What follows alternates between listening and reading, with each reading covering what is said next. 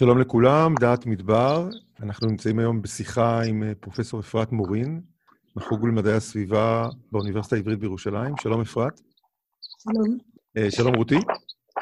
שלום, אפרת, שלום, דודו. נשמח uh, לשמוע מאפרת איך היא הגיעה לעסוק בתחום שהיא עוסקת בו, אולי לספר לנו גם uh, מה היא חוקרת. אפרת, אולי תספרי לנו קצת על uh, מה שהביא אותך בעצם לעסוק בתחום שאת עוסקת בו.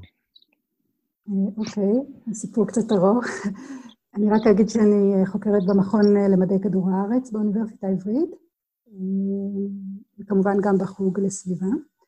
תחום מחקר שלי הוא מה שנקרא הידרומטאורולוגיה, זה שילוב של הידרולוגיה, כלומר מים, גשם, מים, שיטפונות, ומטאורולוגיה, בעיקר הסתכלות על הגשם, במדבר, אבל לא רק במדבר, בכל מקום בעצם.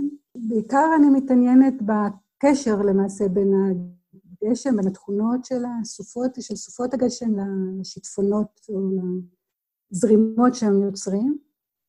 איך הגעתי לתחום הזה? אה, זה סיפור ארוך, בכלל התחלתי, למדתי מדעי מחשב ומתמטיקה, עסקתי בתכנות, ובין השאר אה, כתבתי תוכנות שניתחו נתונים של מכ"ם גשם, בתור מתכנתת. מכ"ם גשם, הם, היום כולם מסתכלים על המכ"ם גשם כל פעם אה, של השירות המטאורולוגי, ורואים אה, אם יש גשם ואיפה יש גשם.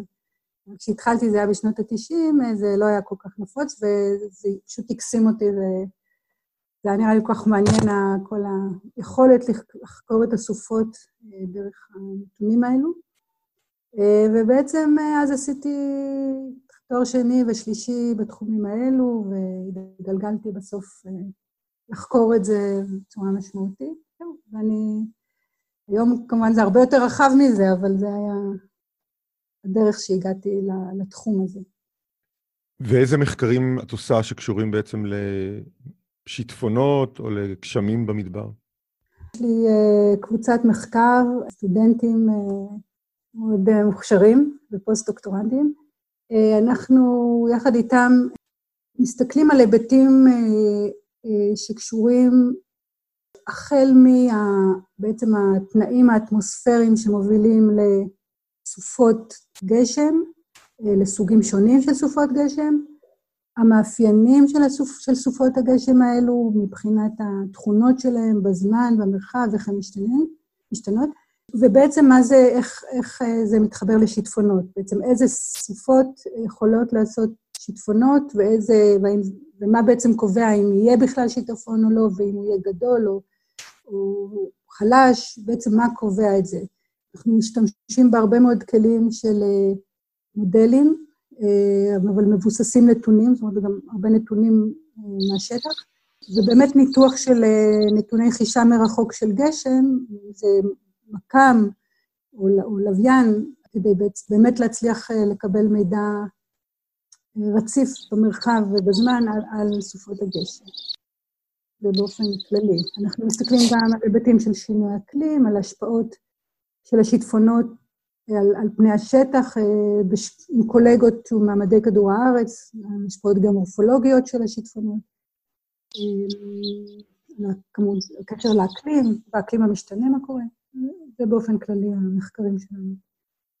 אה, תוכלי אולי לספר לנו יותר על שיטפונות? זה נושא שתמיד מרתק, אה, בעיקר אנשים שחיים במדבר, וזה אה, נהפך אצלם לסוג של, לא רוצה להגיד את המילה הובי, אבל משהו שהם מצפים לו כל הזמן. של שיטפון שיבוא, ויש היום כבר היום עוד רודפי שיטפונות באשר הם. אז אולי קצת נצלול יותר לנושא של שיטפון במדבר. קודם כל, כשאני מדברת על המדבר, אני כמובן מתמקדת באזורי המדבר אצלנו.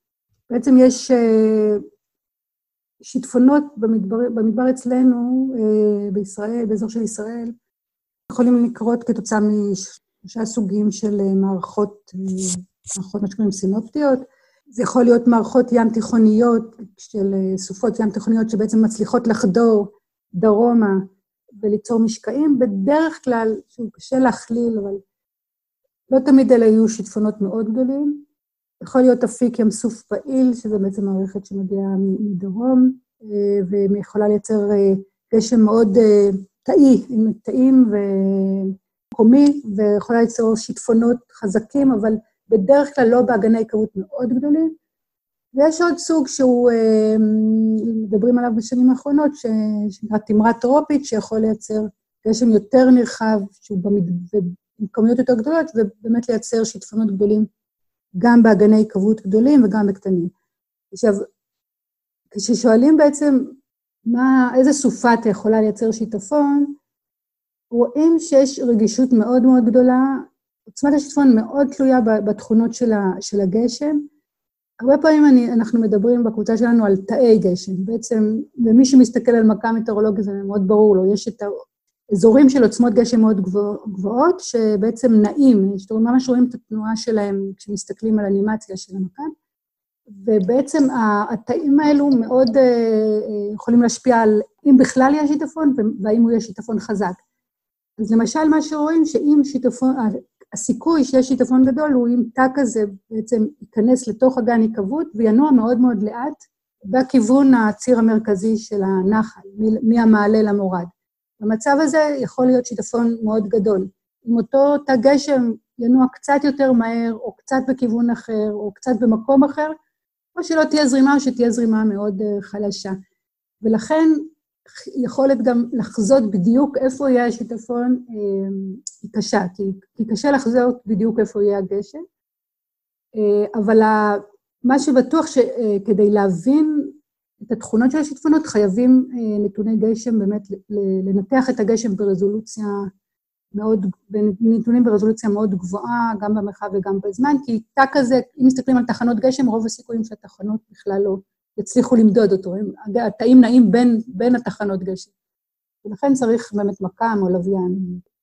אז אה, זה חשוב לציין שבעצם יותר מ-30% מהשטח של היבשות אה, בעצם מוגדר אקלים מדברי. גם חשוב לציין ש... שהיום כ-20% מהאוכלוסייה יושבת באזורי מדבר, זאת אומרת, מדבר זה לא איזה ככה משהו אה, זניח כזה שלמי בכלל אכפת. תהליכים, זאת אומרת, כשמדברים בסוף על סופת הגשם ועל השיטפונות, זה, זה כמובן, זה מאוד דומה בכל מקום אה, ברמה של, אני עבדתי, כשהייתי בפוסט-דוקטורט, אה, הייתי באריזונה, ושזה גם שם אזור אה, מדבר וחצי מדברי וחצי מדברי. תהליכים מאוד, מאוד דומים, בדיוק אותו סיפור של תאי גשם, המערכות הסינופטיות שהביאו אותם הן אחרות, אבל בסוף יש תאי גשם שלפי המקום והתנועה שלהם והדינמיקה שלהם, למעשה אה, בעצם זה מה שקובע איפה יהיה השיטפון, אם יהיה השיטפון וכמה הוא יהיה עוצמתי. אמ, אז בסוף כשמגיעים למה שאני אומרת, לסקאלה של אגן ההיקוות, אה, אז זה דברים דומים. מה שכמובן שונה מאזור למאזור, מאזור לאזור זה יכול להיות מתי יהיה גשם, נניח אם יש עונות גשם קיץ, גשמי קיץ, גם באזורי מדבר, כן, יש אה, גשמי קיץ, ולפעמים שתי עונות, לפעמים שנה אחת. אה, כמה, מה זה נחשב הרבה גשם, מה, מה זה נחשב גשם עוצמתי, יש הבדל בתכונות בין האזורים השונים. אבל בסוף הקשרי גשם נגר וכל ההתנהגות הזאת ש... של יצירת שיטפון כתלות בתכונות הגשם היא דומה בכל מקום. האם אנחנו מסווגים לפיכך אה, שיטפונות במדבר לפי עוצמות? זאת אומרת, יש לנו איזו סקאלה שאנחנו אומרים זה שיטפון ברמה, או שאנחנו עושים עם סופות הוריקן, או עם צונאמי, או דברים אחרים שהם תופעות טבע, יש בהם הרבה מאוד עוצמה וכוח? כן, שאלה טובה. אז בדרך כלל כשאומרים עוצמה של שיטפון, רוב האנשים אה, מתייחסים בעצם למה שנקרא לספיקת השיא שלו, לספיקה, אה, בעצם קצב שהמים זרמו בנחל אה, ליחידת זמן במקום מסוים, בשיא האירוע. אז כשאומרים שיטפון גדול או שיטפון חלש, בדרך כלל מסתכלים על אותו ערך אה, מרבי. עכשיו, מה זה נקרא באמת שיטפון גדול? זו שאלה טובה. אז בדרך כלל מסתכלים על הסטטיסטיקה, זאת אומרת, שיטפון גדול הוא יחסית למקום שהוא נמצא. אותו חוזק של שיטפון, ב, לא יודעת, אם יקרה באיילון, נחל איילון, אולי אגיד, אה, זה ממש, אותה ספיקה, זה לא הרבה, ואותה ספיקה שתקרה, למשל, תתרחש, לא יודעת, איפשהו בנחל סין, אולי כן תהיה גדולה. אז זה תמיד יחסית למקום, ואנחנו בדרך כלל מסתכלים על ה... בעצם על הסיכוי לשיטפון כזה, או על מה שנקרא תקופות חזרה, על ה... בעצם שיטפון חזק הוא שיטפון שהוא גם נדיר, בעצם נגיד הוא בממוצע התרחש כל 20 שנה, 30 ו-50 שנה, 100 שנה. אה, שיטפון שבעצם אנחנו רואים שהוא קורה באיזשהו מקום כל שנה, או אפילו כל שנתיים, בדרך כלל אנחנו לא קוראים לו, לא מתייחסים אליו כאל שיטפון גדול. אז בסוף בעצם אנחנו מסתכלים על הסטטיסטיקה. מה שחשוב אולי להגיד על שיטפונות, כשאם חושבים על סכנה משיטפונות, גם שיטפון שהוא לא מאוד נדיר ולא מאוד מאוד חזק, הוא יכול להיות מאוד מסוכן. זאת אומרת, לא צריך, אה, צריך להיזהר משיטפונות גם, גם כשהם לא אה, חזקים, כי בעצם הם, הם מאוד אנרגטיים, יש הרבה אנרגיה של המים, של הסחף במים, אז זו הערה שקשורה לסכנה משיטפונות. אנחנו מודדים את אותה אנרגיה מעבר לספיקת המים, גם את העוצמה, הסלעים, את כל המסה שבעצם נעה, כי יש כאן בעצם מסה ענקית שזזה בכיוון מסוים, בתנע מסוים. קשה מאוד למדוד את זה. מה שמודדים, אם מודדים בכלל, ואם יש תחנת, אם יש מדידה היא של אה, גובה המים בסך הכל, אה, מגובה המים אפשר להעריך את הספיקה בשיטות שונות, ואז לחשב גם, אה, שוב, הכל בהערכות, את מהירות, את מהירות הזרימה ולחשב ספיקה. את הסחף מאוד מאוד קשה למדוד, יש כמה מחקרים או שמציבים, שהם תחנות, אבל בשיטפון גדול במדבר זה ממש קשה למדוד. יש שוב מודלים שמעריכים את זה, אבל כן, זה, זה נושא, בדרך כלל כשמדברים על ספיקה באיזשהו מקום, מתעלמים מכל הסחף שבעצם הגיע יחד עם הספיקה הזאת. כשאנחנו מדברים על אה, שיטפונות, האם אנחנו מסוגלים לבנות אה, תחזית שנתית, או למעשה רק להגיד שבוע לפני הולך להיות שיטפון חזק, הולך להיות שיטפון עוצמתי? גם לא שבוע לפני. אה, אם מדברים על חיזוי, חיזוי מזג אוויר, אז על סמך תחזית של שלושה, ארבעה ימים קדימה, אפשר באופן כללי להגיד אם יהיו uh, תנאים שיכולים להביא לסופות, שיכולים להביא לשיטפונות, להגיד בדיוק uh, אם במקום מסוים יהיה שיטפון, כאן uh, בעיקר, ש... ואני חושבת, בוודאי כשמתגברים על מדבר, זה משהו שאפשר במקרה הטוב, למיטב, אה, מיטב, לפחות על פי המחקרים שלנו, זה משהו של סדר גודל של כמה שעות אה, בעצם, כי שוב, אתה יכול לדעת, אתה יכול להכין את עצמך שהולך כנראה בשלושה, ארבעה ימים הקרובים, או אפילו מחר, או מחרתיים, או עוד יומיים, להגיע מערכת שהיא מערכת שבהחלט מסוגלת להביא לשיטפונות, אולי אתה יכול להגיד שזה בצפון או בדרום של הנגב, אבל להגיד שבנחל צין או בנחל, אה, לא יודעת, בחמר אה, או נחל צאלים יהיה שיטפון ולא בנחל אחר, כאן זה ממש משהו שהוא בטווח זמן הרבה הרבה יותר קצר של אה, כמה שעות, שזה, שאולי באמת הרבה פעמים צריך להתבסס גם על הנתונים שמתקבלים בזמן אמת, למשל ממכ"ם. קשה מאוד לתחזיות הגשם אה, לדייק במיקום של הסופה. זה מספיק שהסופה בסוף תהיה כמה קילומטר הצידה, ובעצם זה זז לאגן אחר, וזה אולי בכלל כן יעשה או לא יעשה שיטפון. אני לא יודעת אם זה באמת קשור לתחום המחקר שלך, אבל רציתי לשאול אותך שני דברים. אחד, לגבי ניצול מי שיטפונות, איך את רואה, אולי אם את נמצאת עכשיו בקליפורניה, איך אנחנו אל מול מה שקורה בקליפורניה עם אגירת מי שיטפונות, והאם הם מנצלים, uh, או אנחנו באמת מובילים ב, ביכולות שלנו לנצל מי שיטפונות. וגם uh, לגבי האם יש הבדלים סטטיסטיים, אנחנו יודעים שהמזג אוויר הולך ונהיה יותר קיצוני, והאם את uh, רואה את זה גם במחקרים שלך, בחקר של העננות. לגבי אגירת שיטפונות, זה מאוד לא, זה לא פשוט בכלל, כי בייחוד במדבר, אמ, עקרונית, אולי מישהו היה חושב שזה היה רעיון טוב לאגור את המי השיטפונות ולתת להם אולי לחלחל, אבל המאגרים האלו אה, בקלות אה, מתמלאים בסחף, ואם בעצם, אה, אגירה זה לא רק לבנות מאגר, זה בעצם כל הזמן, כל הזמן צריך בעצם לטפל בו ו... בעצם להוריד את הסחף, כי אחרת בעצם המים האלו סתם יתאדו חזרה לאטמוספירה, זה לא נראה לי רעיון טוב. יכולת מתעסקת בזה, אבל אני... אה, יש מאגרים, אבל אני לא יודעת כמה הם מצליחים בעצם לגרום למים לחלחל בעצם, כי זה בעצם הדרך לשמור אותם, לחלחל, לחלחל למאגרי מים מתחת לקרקע. אז כל התחום הזה הוא קצת פחות בתחום הידע שלי. לגבי העניין הזה של מזג האוויר, אה, זה, שוב, זה משהו מורכב. אה, האם יש באמת, אה, האם באמת יש יותר אירועים קיצוניים? כולם אומרים שיש יותר אירועים קיצוניים. באופן כללי, באופן גלובלי, יש עלייה באירועים קיצוניים. האם יש בישראל יותר אירועים קיצוניים? מה שאנחנו רואים זה שבאמת באזורים המדבריים באמת של ישראל יש איזושהי עלייה באירועים הנדירים. זאת אומרת, האירועים הנדירים נהיו יותר עוצמתיים. אבל האירועים היותר רגילים דווקא נהיו פחות עוצמתיים. בהרבה מקומות בישראל אנחנו לא רואים את העלייה הזאת של האירועים.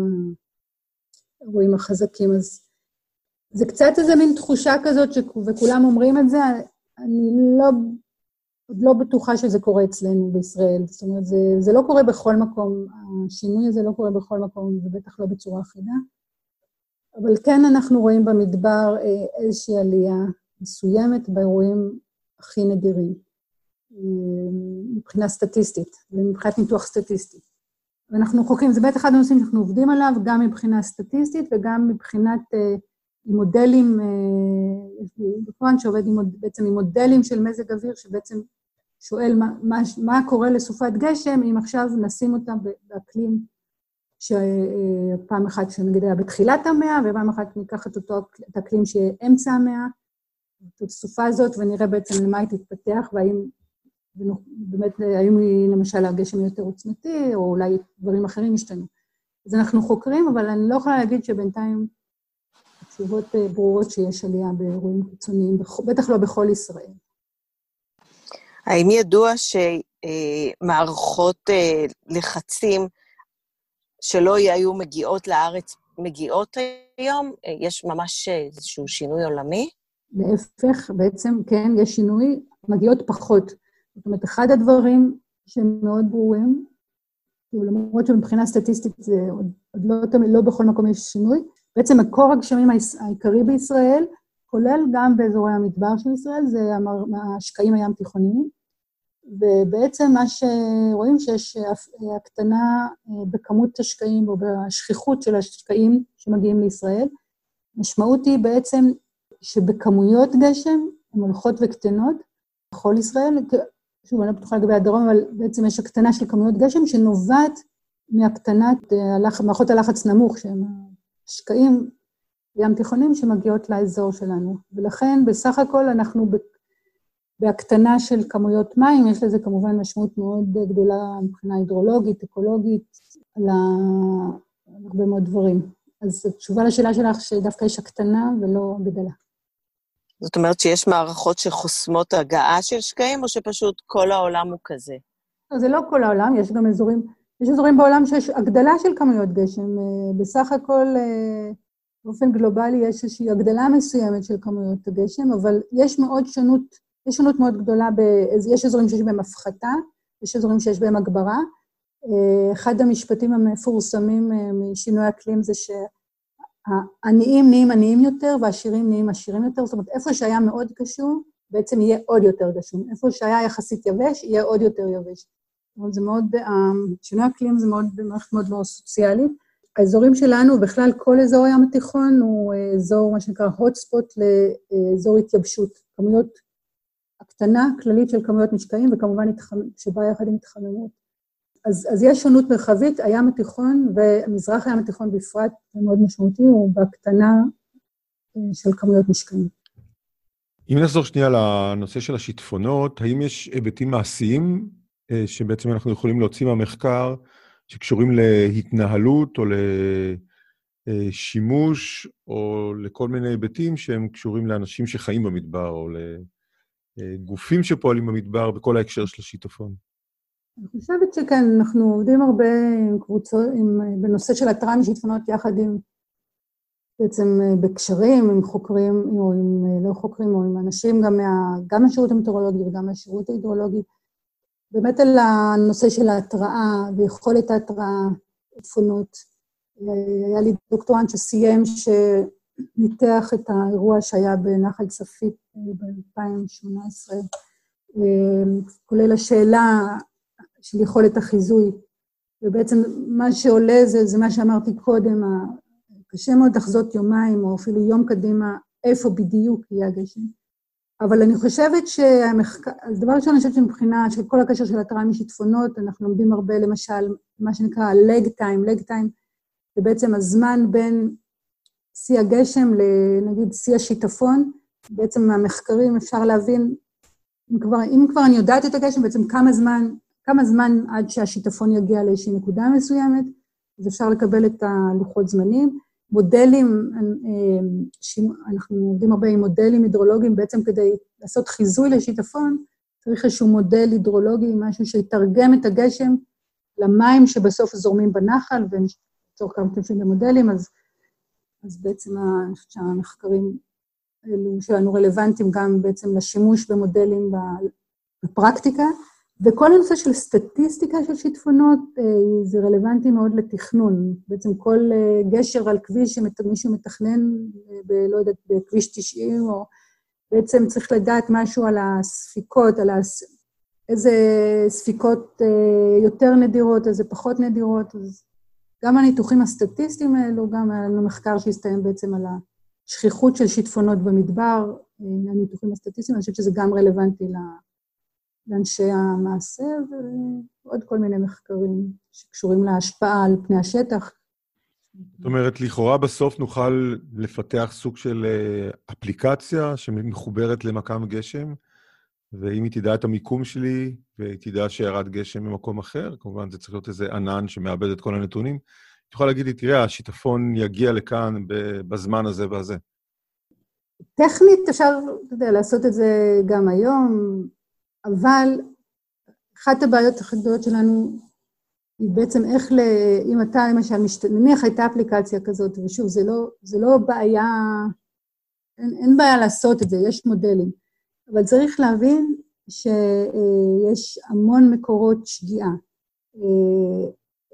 גם בגשם, אבל גם בתרגום, בעצם במודלים, כל מודל הרי זה הפשטה של המציאות, הם לא מדויקים. ואם עובדים עם גשם חזוי, אז, אז עוד יותר. אז השאלה היא, אה, אני לא, לא נדע להגיד, לדעתי עוד הרבה זמן, לא נדע להגיד, יהיה פה אה, שיטפון אה, עוד שעה.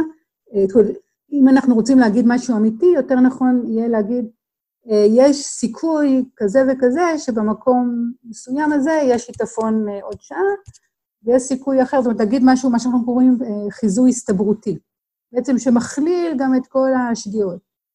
אחת השאלות שבאמת אנחנו, לא רק אנחנו, הרבה אנשים עסוקים, זה בעצם איך מדווחים לציבור משהו שהוא לא בטוח, זאת אומרת, משהו שיש לו הסתברותי. אה, אני לא יכולה, אני, אני יכולה להתעלם מכל השגיאות ולהגיד, פה יש שיטפון עוד שעה, אבל יש סיכוי גדול שאני טועה. אז uh, עדיף שאני אגיד בעצם מה הסיכוי שיש שיטפון. אבל זה קשה להעביר מסר כזה, זה לא מסר ברור. אז זה נושא שהוא, שהוא, מחקר, שהוא מחקרי, והוא מאוד רלוונטי גם לפרקטיקה, אבל חייבים להבין, אין מודל מדויק. לא מודל לחיזוי גשם, לא מודל לחיזוי שיטפון, וכל מי שמסתכל על תוצאות של מודלים חייב לקחת את זה בחשבון. החשש כמובן הוא בעצם שאתה למשל תראה שבמקום מסוים אין שיטפון לפי המודל ותלך לטייל שם, אבל בעצם יש שם שיטפון, כי אנחנו חזינו שיהיה באיזה נחל ליד, אבל בסוף הוא היה בנחל הזה. וזה מאוד מסוכן, ולכן צריך מאוד להיזהר עם הדברים האלו. צריך לעשות חיזוי, אבל חייבים איכשהו לה, לה, לה, בעצם להעביר גם את המסר של אי-הוודאות אה, בחיזוי. אם אנחנו מדברים על אי-ודאות ונדבר על גשם, אחת התופעות שאנחנו מכירים במדבר, מדרשת בן גוריון, אה, בקיבוץ שנמצא שלושה קילומטר, יכולים למדוד אה, גשם בעוצמה מסוימת, ובמדרשה שנמצאת טיפה דרומה יותר, אין גשם, או ההפך. האם תופעות כאלה הן בעצם קיימות בכל מקום שבו יורד גשם, או האם זה ייחודי למדבר? הן קיימות בכל מקום, במדבר זה מאוד מועצם. בעצם הסיבה לתופעה שאתה מדבר עליה היא השונות המרחבית של הגשם, אה, ואותה תאי גשם שהזכרתי קודם, אה, הגודל שלהם הם בעצם יכולים להיות ברדיוס של נניח שניים, שלושה קילומטר. אז, אז יכול להיות שתא כזה למשל יתיישב מעל הקיבוץ, אבל שני קילומטר משם או שלושה קילומטר משם זה או שזה בשוליים של התא, אז רואים גשם חלש, או שזה בכלל מחוץ לתא. אז, אז התאים האלו זה דבר שאופייני לכל מקום, אבל במדבר הם יותר קטנים, הם יותר נדירים, הם יותר דועכים מהר, זאת אומרת, הם, יש להם פתיחה יותר מהר, לכן זה מועצה מאוד במדבר. זאת אומרת, השטח, השטח שלא מכוסה בגשם, היחסי הוא הרבה יותר גדול, בכל רגע נתון הוא הרבה יותר גדול במדבר, לעומת השטח הלא מדברי, וזה דרך אגב, זה נכון לכל העולם. זאת אומרת, אם עושים סטטיסטיקה על אזורים מדבריים לעומת לא מדבריים, על השטח שמכוסה על ידי גשם בכל רגע, הוא הרבה הרבה יותר נמוך במדבר. לכן התחושה אה, שלך היא, אה, היא נכון, היא באמת אה, חזקה מאוד במדבר, אבל גם אה, זה יכול לקרות, לא יודעת, בירושלים, לא יודעת, לקריית הנביא, אבל בפחות, זה, זה יהיה פחות חזק, פחות משמעותי. זה בעצם מעלה כאן שתי תובנות. אחד, שקודם כל מאוד קשה למדוד בסופו של דבר את כמות הגשם שירדה במדבר, כי אתה צריך בעצם לרשת אם אתה מעוניין למדוד נתון כזה, אתה צריך בעצם לרשת ברשת מאוד מאוד צפופה של תחנות מדידה, כי אתה בעצם אומר שהתאים הם מאוד מאוד קטנים, וזה גם מגדיל את הבעייתיות של הזמינות של המים. ה- היכולת בעצם לצפות האם ירד במקום מסוים גשם היא מאוד מאוד קטנה. אז החלק הראשון מחזיר אותי למה שהתחלנו את השיחה הזאת בעצם על המקם.